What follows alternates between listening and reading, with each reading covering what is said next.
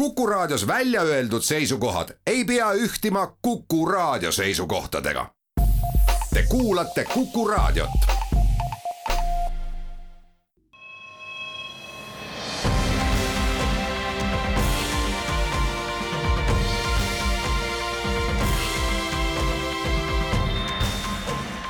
Buum. Tere päevast, on neljas mai kahe tuhande kahekümne teine aasta, oleme taas eetris Buumi saatega. tänase saate teema on energiajulgeolek ning saatejuhid Anto Liivat ja Raivo Vare.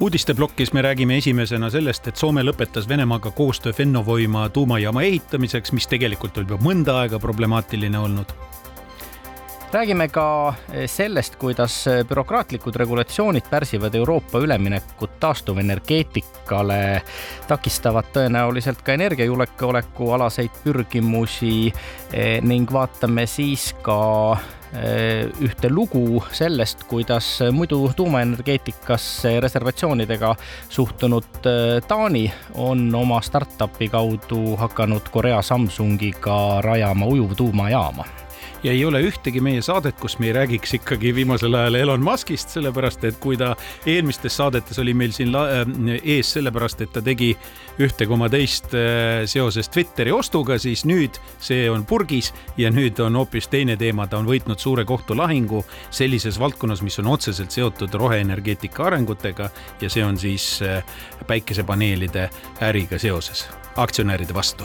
ja meil on hea meel ka tervitada meie saates energeetikaspetsialisti, täna Targa linna tippkeskuse TTÜ-s või TalTechis asuva tippkeskuse strateegiajuhti, kunagist energeetikatöötajat, Eesti Energia töötajat, ülemaailmse Maailma Energeetikanõukogu piirkonnajuhti ja ja ka Majandus- ja Kommunikatsiooniministeeriumi energeetika asekantslerit Einari Kiselit räägime kõigepealt sellest, et Soome on otsustanud lõpetada Venemaa riikliku aatomienergiaettevõttega Rosatom koostöö Fennovoima tuumajaama ehitamiseks. tegemist on siis kahe tuhande kolmeteistkümnendal aastal allkirjastatud lepingujärgse koostööga, kuhu hinnanguliselt on juba pannud soomlased magama kuussada kuni seitsesada miljonit eurot tööl, nelisada viiskümmend inimest kokku tehingu või lepingu maht seitse koma viis miljardit eurot ja, ja Vene riiklikul ettevõttel Rosatom on siis projektis kolmekümne nelja protsendiline osalus ning kuigi Rosatom ei ole praegu sanktsioonide all, siis ometigi soomlased selle koostöö lõpetada otsustasid. Raivo, mismoodi sulle paistab, millistel põhjustel ikkagi see võrdlemisi ootamatu ja järsk liigutus tehti?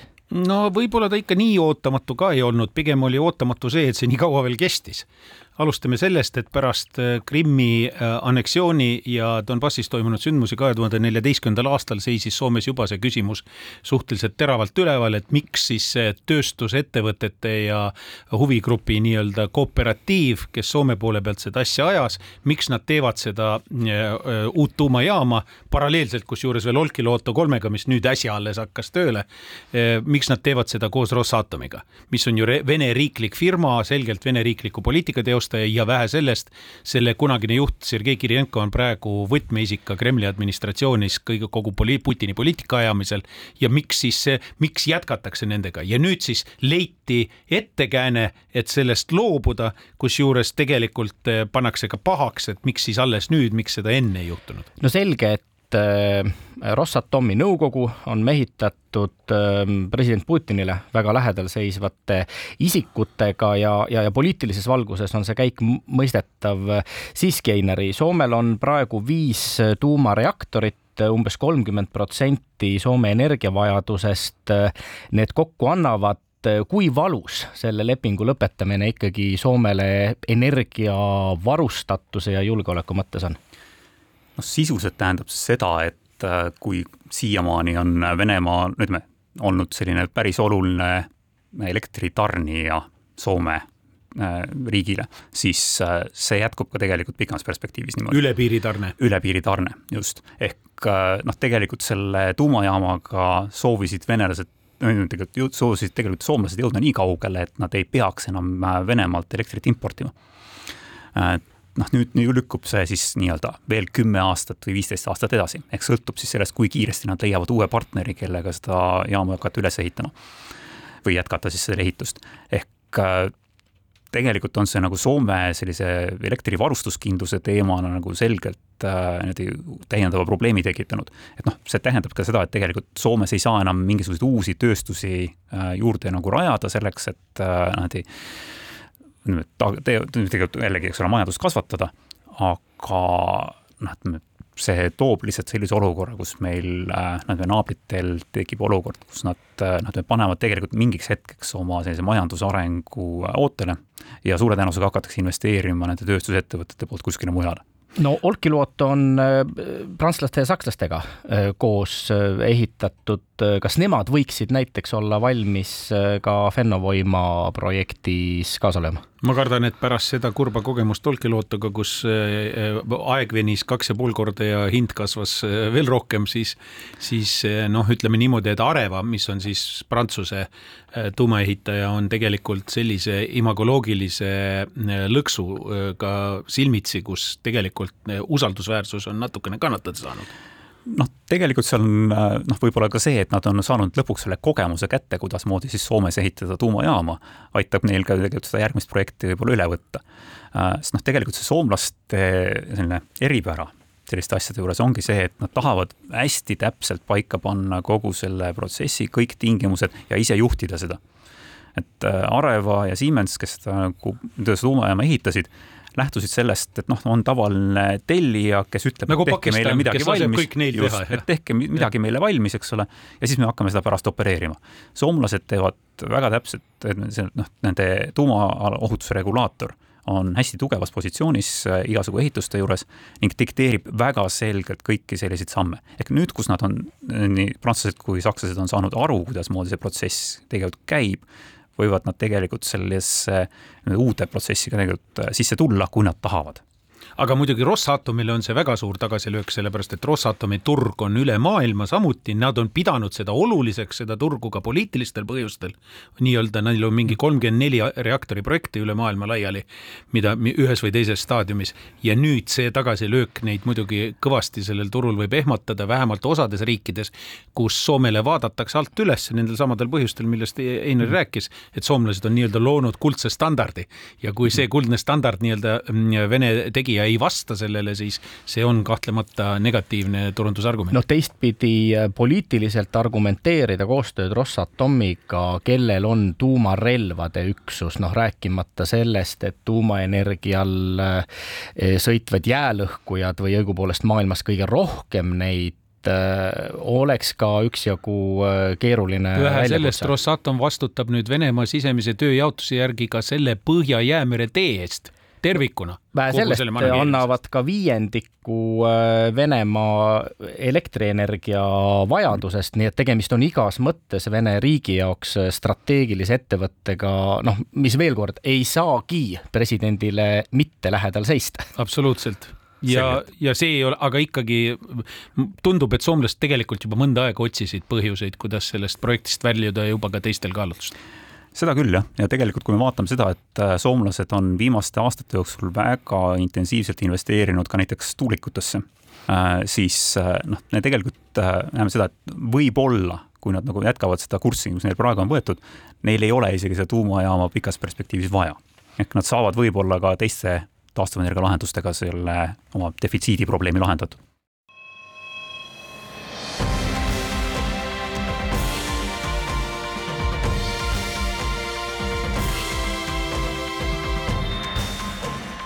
boom oleme tagasi kommertspausilt ja räägime edasi roheenergeetikast, millest me tegelikult lõpetasime eelmises plokis enne reklaamipausi. nimelt on äh, tuuleenergia, millest Einar rääkis, on äh, tegelikult üheks prioriteediks Euroopa Liidus ja Euroopa Liidul on väga ambitsioonikad eesmärgid seatud ehk nimelt kahe tuhande kolmekümnendaks aastaks peaks ta kuskil nelisada kaheksakümmend gigavatti suutma toota Euroopas, jutt on Euroopa Liidust, toota tuuleenergiat ja samal ajal kõik spetsialistid ütlevad, et see ei ole saavutatav, et kaks kolmandikku on praegu äh, Bloombergi andmetel enam-vähem saavutatav selleks ajaks, juhul kui. ja põhipõhjus, mis seda takistab, on nõndanimetatud red tape rahvusvahelises terminoloogias ehk siis lihtsamalt öeldes maakeeli bürokraatia Einari, kui äh, karm on Euroopa Liidu äh, bürokraatia ja, ja kas äh, tänases pinevas julgeolekuolukorras võiks eeldada näiteks Euroopa Komisjoni poolt mingisuguseid algatusi, vaadata senised regulatsioonid, mis taastuvenergeetikat ja, ja selles valdkonnas ettevõtlust puudutavad üle? noh, tegelikult ütleme niimoodi, et Euroopa Liidu tasandilt väga suuri probleeme tegelikult ju ei ole probleemid tekivad äh, riiklike ja kohaliku taseme regulatsioonidega. ehk see, kuidasmoodi viiakse läbi planeeringuprotsesse, kuidasmoodi äh, kooskõlastatakse erinevates astmetes äh, erinevaid, kas siis keskkonnamõjude hindamisi, no kogu see protsess, mis tuleb nagu ühe projekti arendamise juures läbi käia, see on tegelikult väga paljuski tegelikult iga riigi enda regulatsioonide teema ning nüüd komisjon üritabki tuua nagu sisse selle, et lihtsustada natukene neid protsesse noh, võtta nagu sellist ülearust bürokraatiat natukene ära. aga noh, kuidas see nagu praktikas äh, rakendub, ei tea no see, et see, äh, Einar ütles just, et see on just riikide käes, siis selle näiteks tõi seesama Bloombergi uudis välja ka selle, kuivõrd Saksamaal on asi keeruline. kasutades illustratsiooniks fotot, et kolme äh, tava, tavapärase nii-öelda turbiini paigutamiseks vajaliku dokumentatsiooni hulk oli fotol seinast seinani suures ruumis, täitis terve selle ruumi nii-öelda pindala. teiselt poolt muidugi see on toonud kaasa selle, et Saksamaal on tavapärase, mis nad olid saavutanud taseme kuskil ligi viis gigavatti installatsiooni, äh, tuuleturbiinide installatsiooni aastas vahepeal, enne pandeemiakriisi. praeguseks on see kukkunud vaatamata kõikidele jõupingutustele vähem kui kahe gigavati peale ehk siis äh, kaks ja pool korda ja selle süüks peetakse ainult ja ainult seda, et ei ole valmisolekut puhttehnilist vormistuses. aga läheme nüüd Taanimaale, Nils Boori äh, kodumaale ja ambitsioonikaid eesmärke taastuvenergeetikale ülemineku osas on äh, seadnud endale ka taanlased, nimelt aastaks kaks tuhat kolmkümmend peaks sada protsenti nende elektrist põhinema taastuvenergeetikal ja enam kui pool kogu energia tarbimisest siis samas ehm, aastal tuhat üheksasada kaheksakümmend viis Taani parlament eh, võttis vastu eh, otsuse, et Taani enam tuumajaamu ehitada ei tohi. mäletatavasti Taanil siiski tuumajaamad varem olid, lõplikult tõmmati vist joon alla alla kuskil alles seal aastal kaks tuhat kaks, aga, aga sisse osta nad ometigi tuumaenergiat võivad, seda üllatavam on lõpuks ikkagi tõsiasi, et eh, nende eh, startup ettevõte Seaborg on hakkama saanud vedelsoola jaama lahendusega, mis on nüüd silma jäänud ka korealaste Samsungile ning üheskoos hakatakse siis ujuv tuumajaama rajama. juhin muidugi tähelepanu sellele, et tegu ei ole niisama Samsung kui selline, vaid tegu tegu on Samsung Heavy Industries, mis on tegelikult super tegija rahvusvahelises mastaabis ka ja üha rohkem üritab turgu haarata.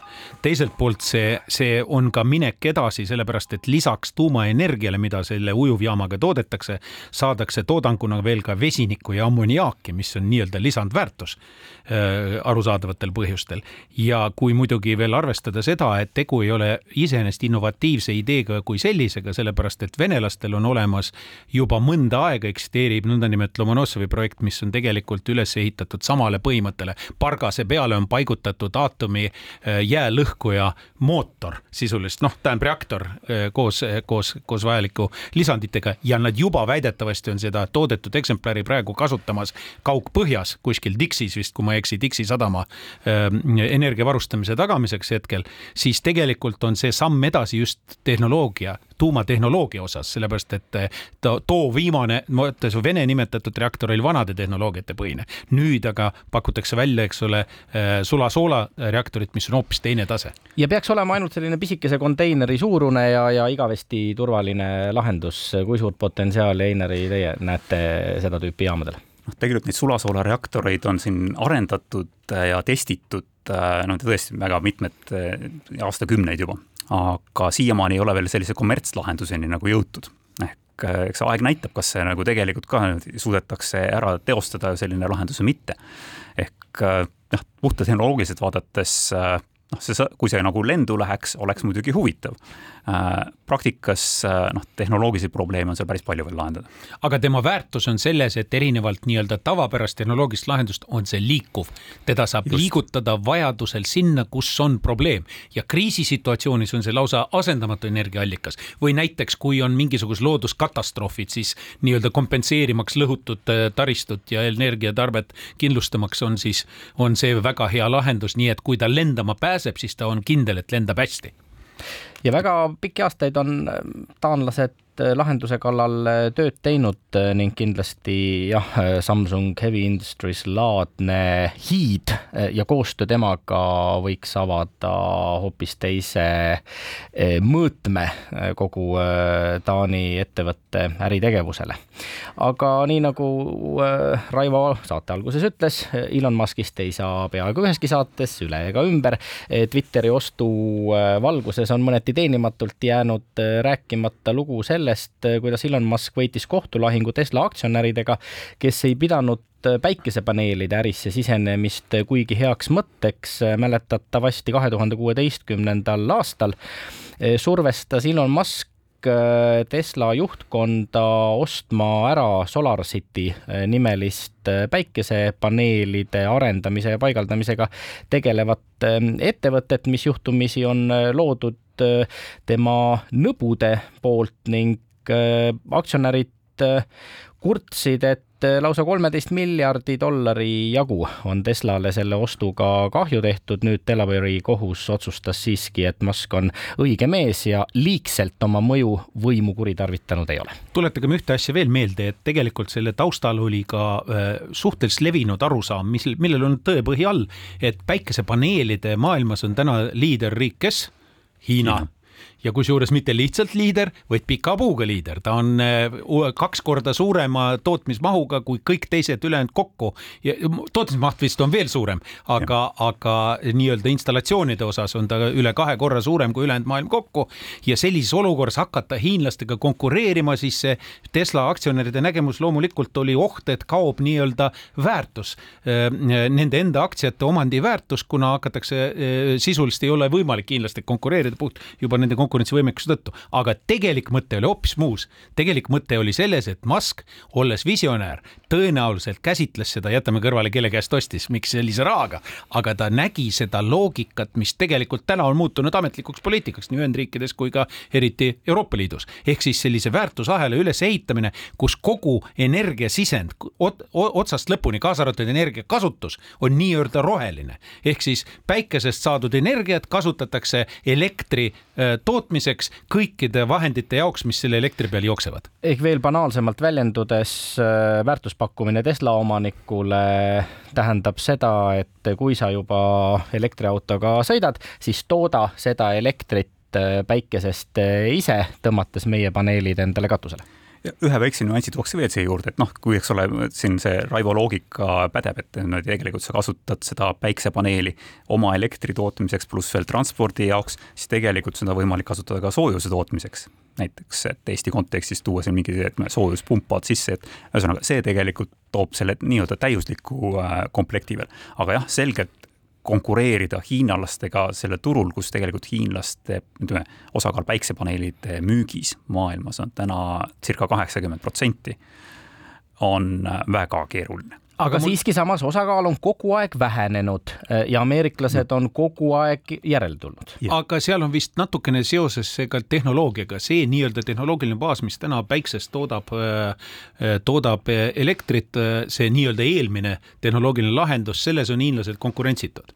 aga praegu püütakse minna, liikuda nii-öelda uute lahenduste peale, uute materjalide peale, uute materjalikombinatsioonide peale, kus paneeli efektiivsusaste on lihtsalt kõrgem ja seal ja. on see võit. aga siin on muidugi üks konks veel, e, kust tulevad komponendid? E, seesama e, nii Tesla autotootjana kui Tesla päikesekatuste tootjana täna ütleb, et nende müüginumbrid ei ole millegi muu taga kui tarneraskuste taga. Nad toodaksid ja müüksid märksa rohkem ning komponendid selleks, et toota, tulevad ju taaskord suuresti äh, Hiinast. Äh, küll äh, on teatud mõttes jah, mitte päikesepaneelides, aga paljudes teistes valdkondades on juba näha, et on siiski nihkunud see komponendi tarneahel ära, aga praegu on ju veel tagatipuks see, et Hiinas on uuesti möllama pääsenud pandeemia uues versioonis mm -hmm. ja see omikroni uus versioon praegu on tekitanud olukorra, kus Hiina tolere-, mittetolereerimispoliitika viirus suhtes on pannud kinni tööstuskeskused ja nad on loonud isegi sellise mudeli, mida kutsutakse tööstusluubiks.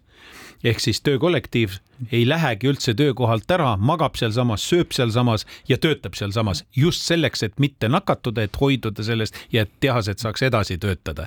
aga ka Tesla muuseas teeb sedasama ja jutt ei ole mitte töötajaskonnast meie mõttes, kus on tegu mõne kümne inimesega või parimal juhul mõnesajaga, vaid need tehased on, kus on kakskümmend, kolmkümmend, nelikümmend tuhat per tehas.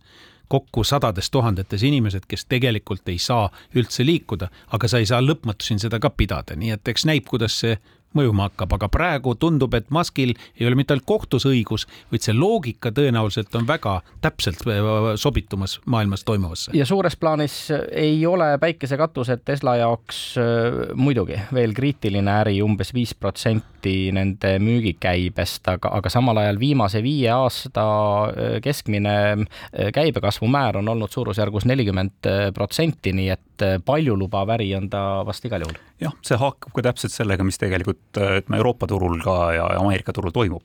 ehk noh, kui vaadata isegi Eesti numbreid, siis noh, ütleme meil on päiksepaneelidest võimsus on kasvanud aastat, iga aasta praktiliselt mingisugune kaks-kolm korda viimased kolm aastat ehk see buum, mis on nagu Eestis toimunud, noh, tegelikult on see üle-euroopaline.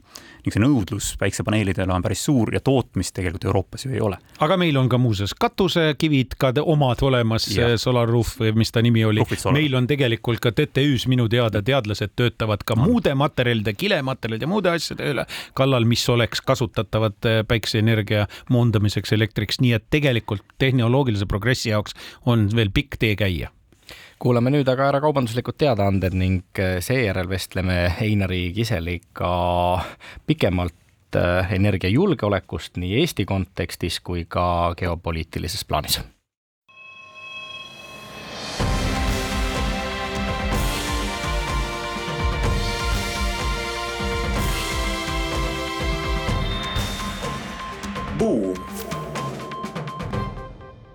oleme taas tagasi reklaamipausilt, saatejuhid Anto Liivat ja Raivo Vare ja meil on külas Einari Kiisel, keda me nüüd hakkame piinama. las ta räägib meile sellest, arvasin mina, mis on meil energiajulgeoleku, julgeoleku seis ja tarnekindluse seis praegu. arvestades, et Einari on teinud seda tööd mõlemalt poolt, nähes seda ühelt poolt nii-öelda tegijate poole pealt, teiselt poolt regulaatorite poole pealt. et kuidas tundub praegune seis ja mis, mis on puudu? ja kui tahta veel natukene provotseerida sissejuhatuseks, siis kahekümne kuuendal aprillil olete te öelnud, et Vene gaasist loobumine ei pruugigi Eestil võimalikuks osutuda. no vot, ehk äh, kui vaadata kogu seda pilti, siis meil on äh, ju äh, selline energiavarustuskindlus kui selline on pidevalt olnud ikkagi tagatud, siiamaani nagu väga suuri probleeme ei ole olnud, Eesti on tegelikult ju, kui statistikat uskuda, siis Euroopa Liidus kõige vähem energia impordist sõltuv riik. ikka veel? ikka veel ning äh, noh, see tegelikult, ma arvan, tänases seisus isegi mõnevõrra süveneb veel, kui äh, põlevkivielektrit jällegi äh, rohkem toodetakse, kui praegu või eelmistel aastatel seda on tehtud. ehk noh, kui me vaatame, kui me vaatame nagu niimoodi kolme sellist põhilist valdkonda, kus energiat vaja on, siis ütleme elektri poole pealt see, millest harilikult räägitakse, mis tegelikult moodustab nüüd kakskümmend protsenti lõpptarbimisest, on see elektrivarustuskindlus ütleme suvistel perioodidel ja sügis, talvis, sügis-kevadisel perioodil on päris hästi kaetud. talvisel perioodil noh, tippu ütleme niimoodi, kui nagu ilm oleks kuskil niimoodi miinus kolmkümmend ja alla selle siis suure tõenäosusega me sellega enam hakkama ei saaks. meie põhiline suurem probleem tegelikult on seotud elektrituru poole peal meie naabritega. Äh, nii Läti kui Leedu on sügavas elektridefitsiidis, äh, Soome tegelikult samamoodi. Rootsi on samamoodi deklareerinud, et äh, nendel, kui oleks nii-öelda külmad ilmad talvel, siis nendel on samamoodi puudu umbes kolm tuhat megavatti ehk suurusjärgus on kaks, kaks korda Eesti, rohkem kui meil. jah, kaks korda, kaks Eesti tiputarbimist. Äh, ja ütleme, sellises olukorras ma nagu ei ole nagu väga kindel, et see olukord nagu väga roosiline on. Ehk äh, meil on äh, noh, ütleme sellise eriolukorra jaoks noh, tegelikult on probleeme küll ja veel. see, mis nagu juhtus detsembri alguses kus äh, hinnad läksid järsku ülesse tulenevalt sellest, et tegelikult äh, jaamad ei olnud veel äh, nii-öelda talviseks äh, perioodiks valmis, et noh, harilikult detsembrikuus veel selliseid külmasid, nagu tol hetkel oli, ei ole olnud väga äh,, siis selles olukorras me võime öelda, et äh, noh, meil tegelikult see reserv oli olemas, kõik need äh, nii-öelda kriteeriumid olid just nagu täidetud, aga noh, keegi ei ole tegelikult äh, Eesti poliitika äh, kujundamisel öeldud, et missuguse hinnaga me seda varustuskindlust peaksime tagama. Ehk äh, täna on äh, meil väga hästi on paika pandud, missugused äh, on nii-öelda see üldine varustuskindluse norm, mis on nii-öelda keskkonnanõuded, mis on vaja täita, aga keegi selle juures ei ole defineerinud, missugune see hind peaks olema. üldjuhul on nagu see öeldud, et noh, see peaks olema parim hind, mida turg suudab meile pakkuda. aga see ei ole ju meie turg ainult. just, seda turgu mõjutab nii see, mis toimub Lätis, Leedus, Soomes, Poolas järjest rohkem. isegi Saksamaal. isegi Saksamaal ja noh, kui me vaatame seda, mis on nagu noh, toimunud nagu sellel talvel äh, üldse kogu Euroopa elektriturgudel, siis noh, ütleme see, nüüd me oleme Eestis nagu üsna kergelt pääsenud. ehk äh, esialgu olid äh, Suurbritannia turud need, kus me nägime tõsiselt äh, kõrgeid elektrihindasid, kus elektri hind vahepeal käis ära kahe ja poole tuhande euro peal megavatt-tunnist, et Eestil ühel tunnil oli tuhat eurot megavatt-tunnist. ning nüüd siis äh, kuu aega tagasi tegid äh, prantslased uue rekordi, kui äh, elektri hind käis ära nende puhul kaks tuhat üheksasada nelikümmend seitse eurot megavatt-tunnist. ehk noh, jällegi olukord, kus meil on nii-öelda varustuskindlus igal pool paberite järgi on justkui tagatud, aga keegi ei räägi sellest, millise hinnaga meil see tegelikult tagatud on aga see on nüüd elektri osa, lisaks elektrile on meil ka muud energialiigid, eks ole, meil on sooja vaja, mis osaliselt on seotud ka elektriga, millest oli juttu, aga osaliselt ei ole, on teiste kütuseliikidega. ja põhiline teema valupea punkt, millest juba põgusalt rääkisime, on gaas. täpselt. Ja siin jõuamegi selle gaasini, et äh, soojuse turg äh, on otseselt seotud tegelikult gaasiga, Eestis on ta mõnevõrra vähem, et Eestis äh, ütleme, soojuse turul on gaasi osakaal alla kümne protsendi. Aga noh, kui me võtame siin näiteks uh, Ungari näite, kus gaasi osakaal on äh, nii-öelda soojuse turul ligi kaheksakümmend protsenti, siis äh, see on noh, nagu hoopis teistsugune pilt juba äh, kui me räägime Saksamaast, kus nagu harilikult kõige rohkem niimoodi turule viidatakse, siis seal ei ole teema ju mitte soojusvarustus mm, -hmm. vaid on teema tegelikult tööstuste gaasivarustus, mida kasutatakse tegelikult erinevate kemikaalide tootmiseks, erinevate muude toodete tootmiseks. kui kauaks meil gaasivaru äh, jätkub, kui ilmad külmaks lähevad? kui külmaks no, on räägitud sellest, et umbes kuuks ajaks äh, jätkub ja riik on teinud Varude Keskusele ülesandeks äh, hankida juurde.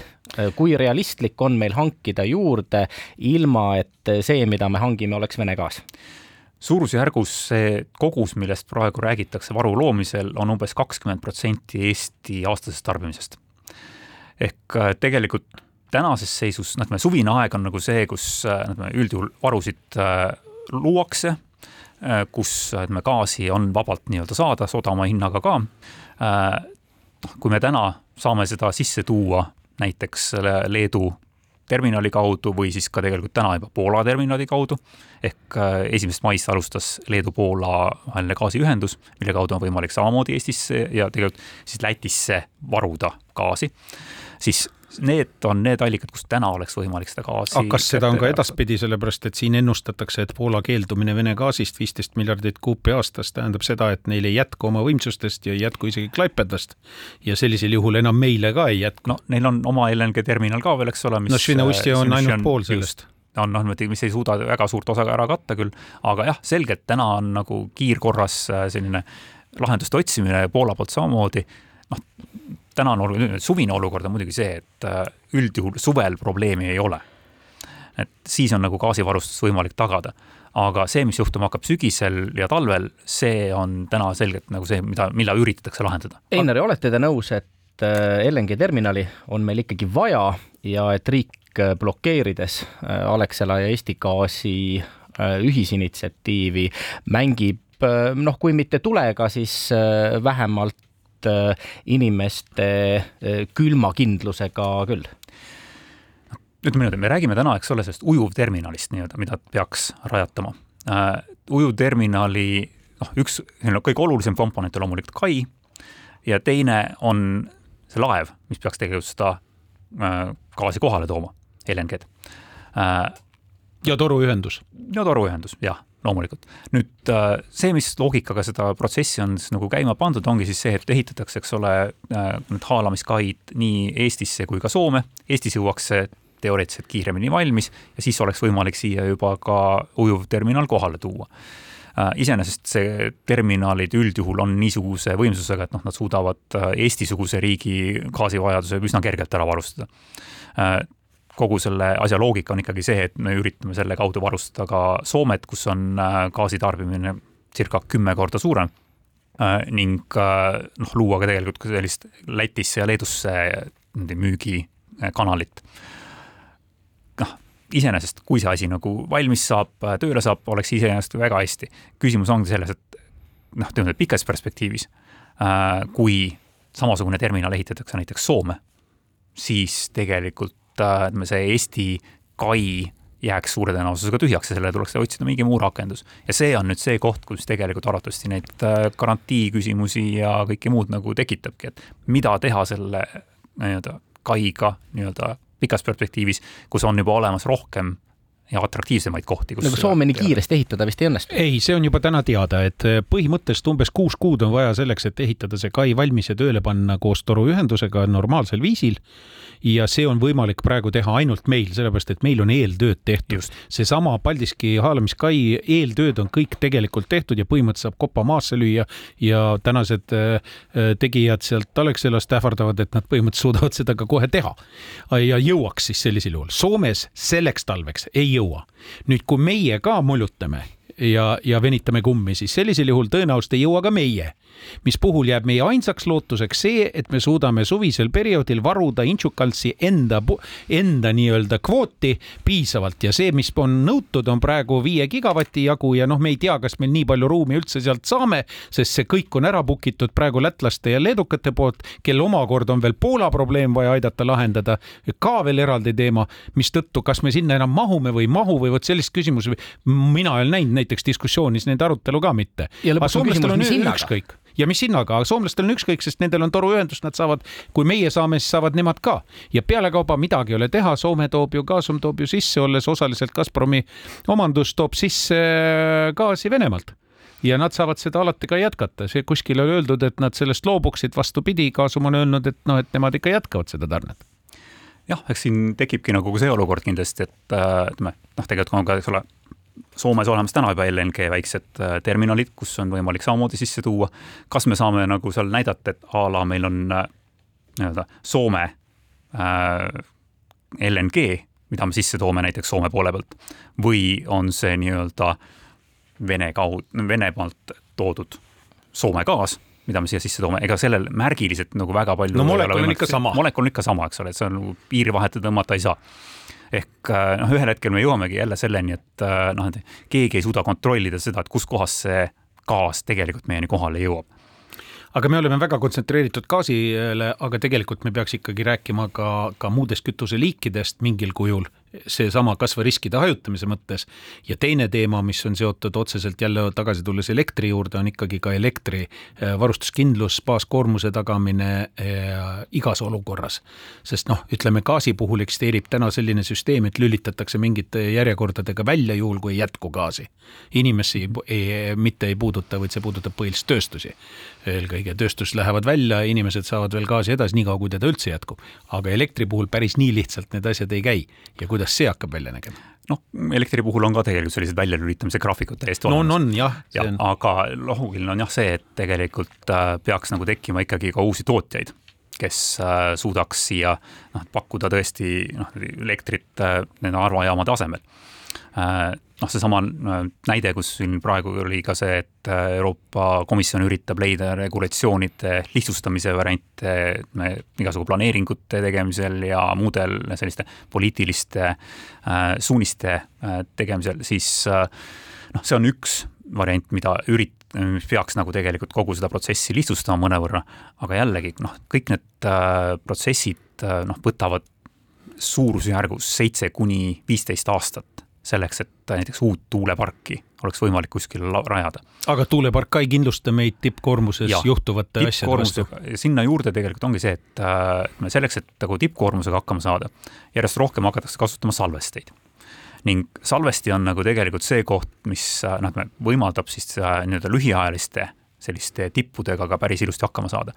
päris hea näide tegelikult salvesti toimimise kohta on võtta Leedust kus äh, on olemas juba tegelikult selline ligi Hüdro. tuhande megavatine Kruonise pumphüdrojaam.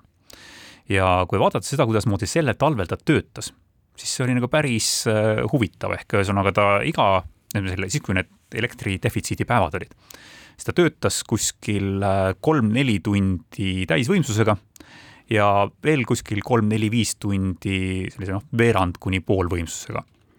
ehk ta tagas päris ilusti selle, et noh, ta öösel laadis ennast ülesse ja päevasel ajal mõned tunnid töötas. ning äh, tundus, et see süsteem nagu toimis päris hästi, majanduslikult turul ka.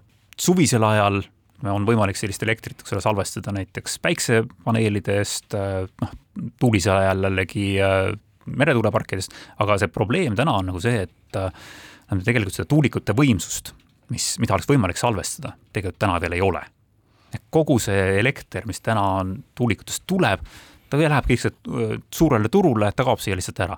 kui me ühel hetkel jõuame nagu selleni, et noh, et me Eestis on tõesti olemas, ütleme Eestis ja teistes äh, riikides ka siin on olemas korralikud suured meretuulepargid, kus elektrit üle hakkab jääma, siis hakkab salvestite nii-öelda majanduslik äh, mõttekus rohkem välja tulema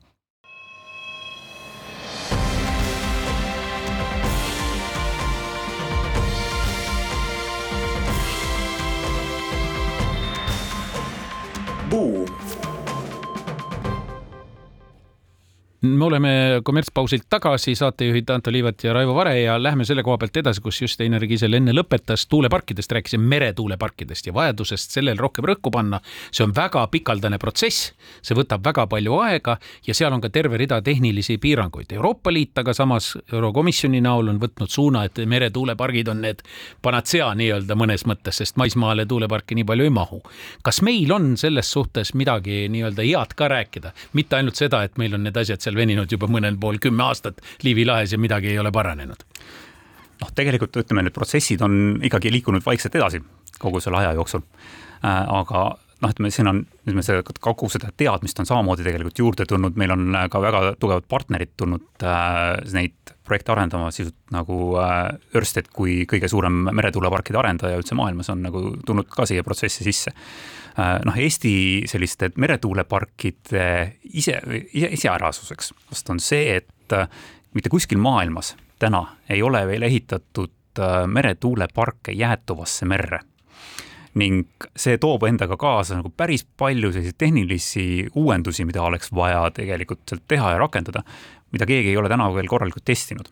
ehk selleks on, ongi see, ütleme see meretuuleparkide teema Eestis on nagu mõnevõrra komplitseeritud.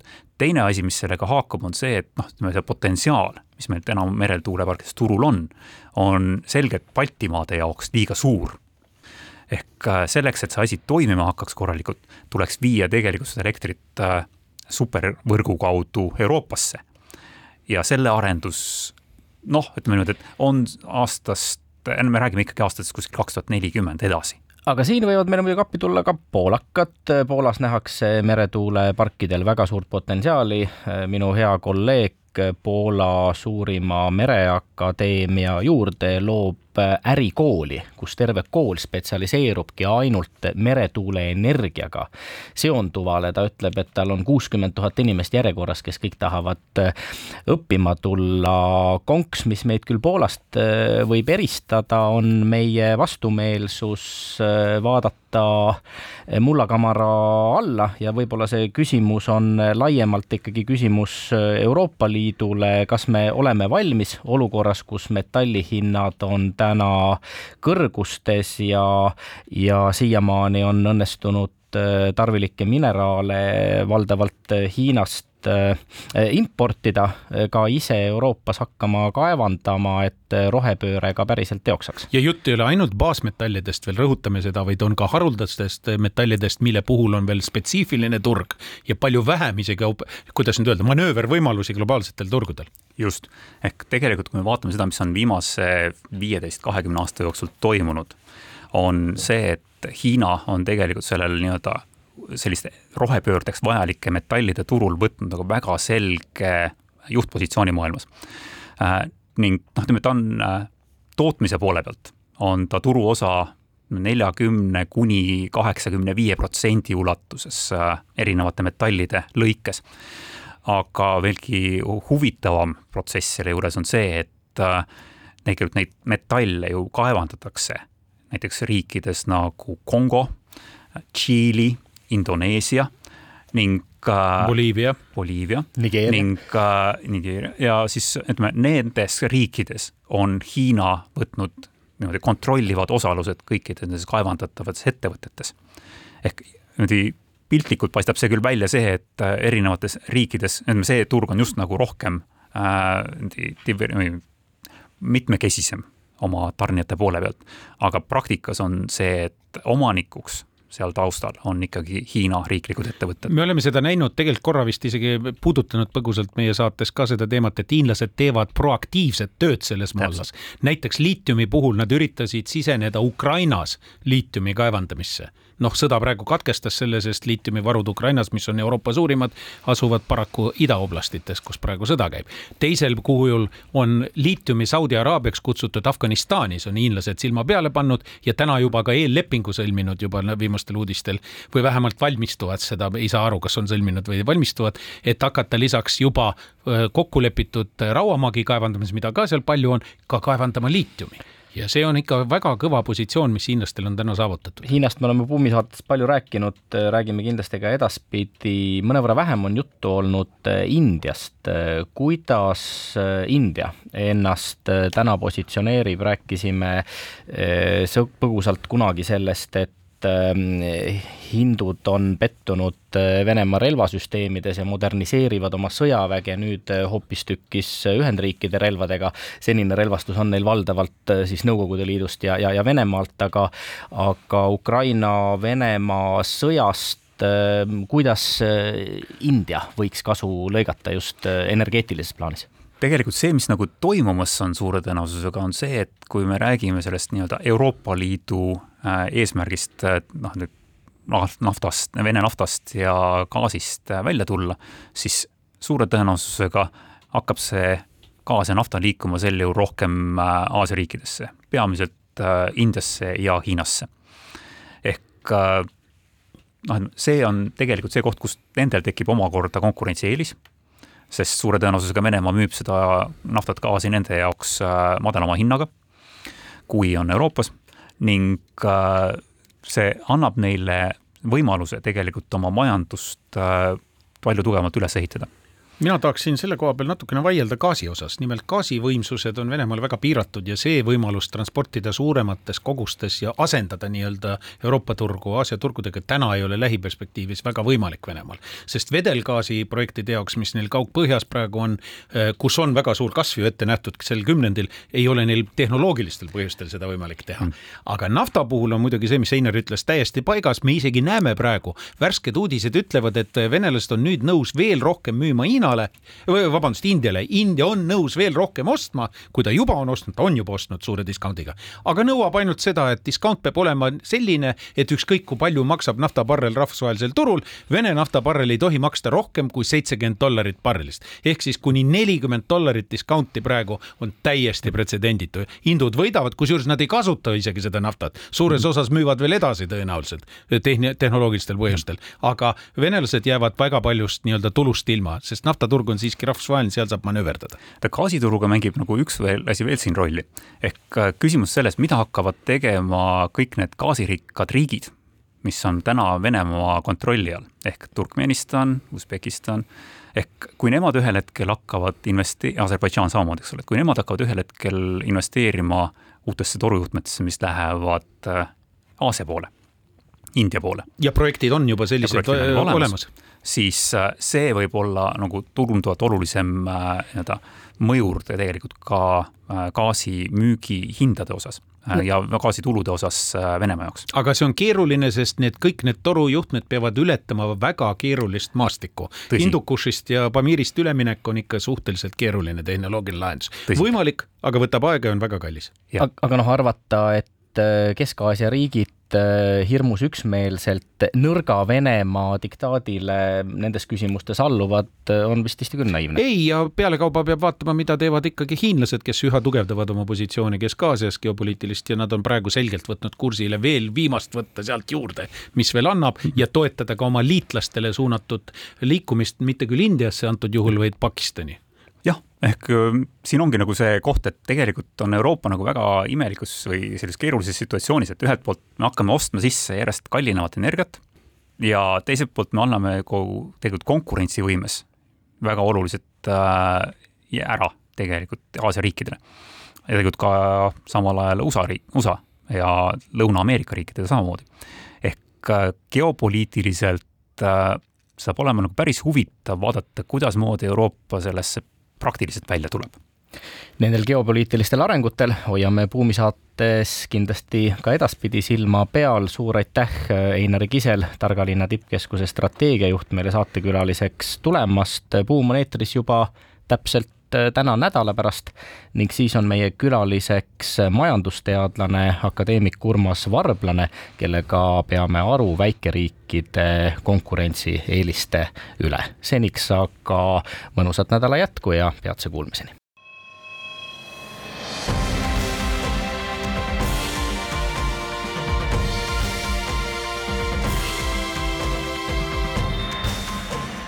Buum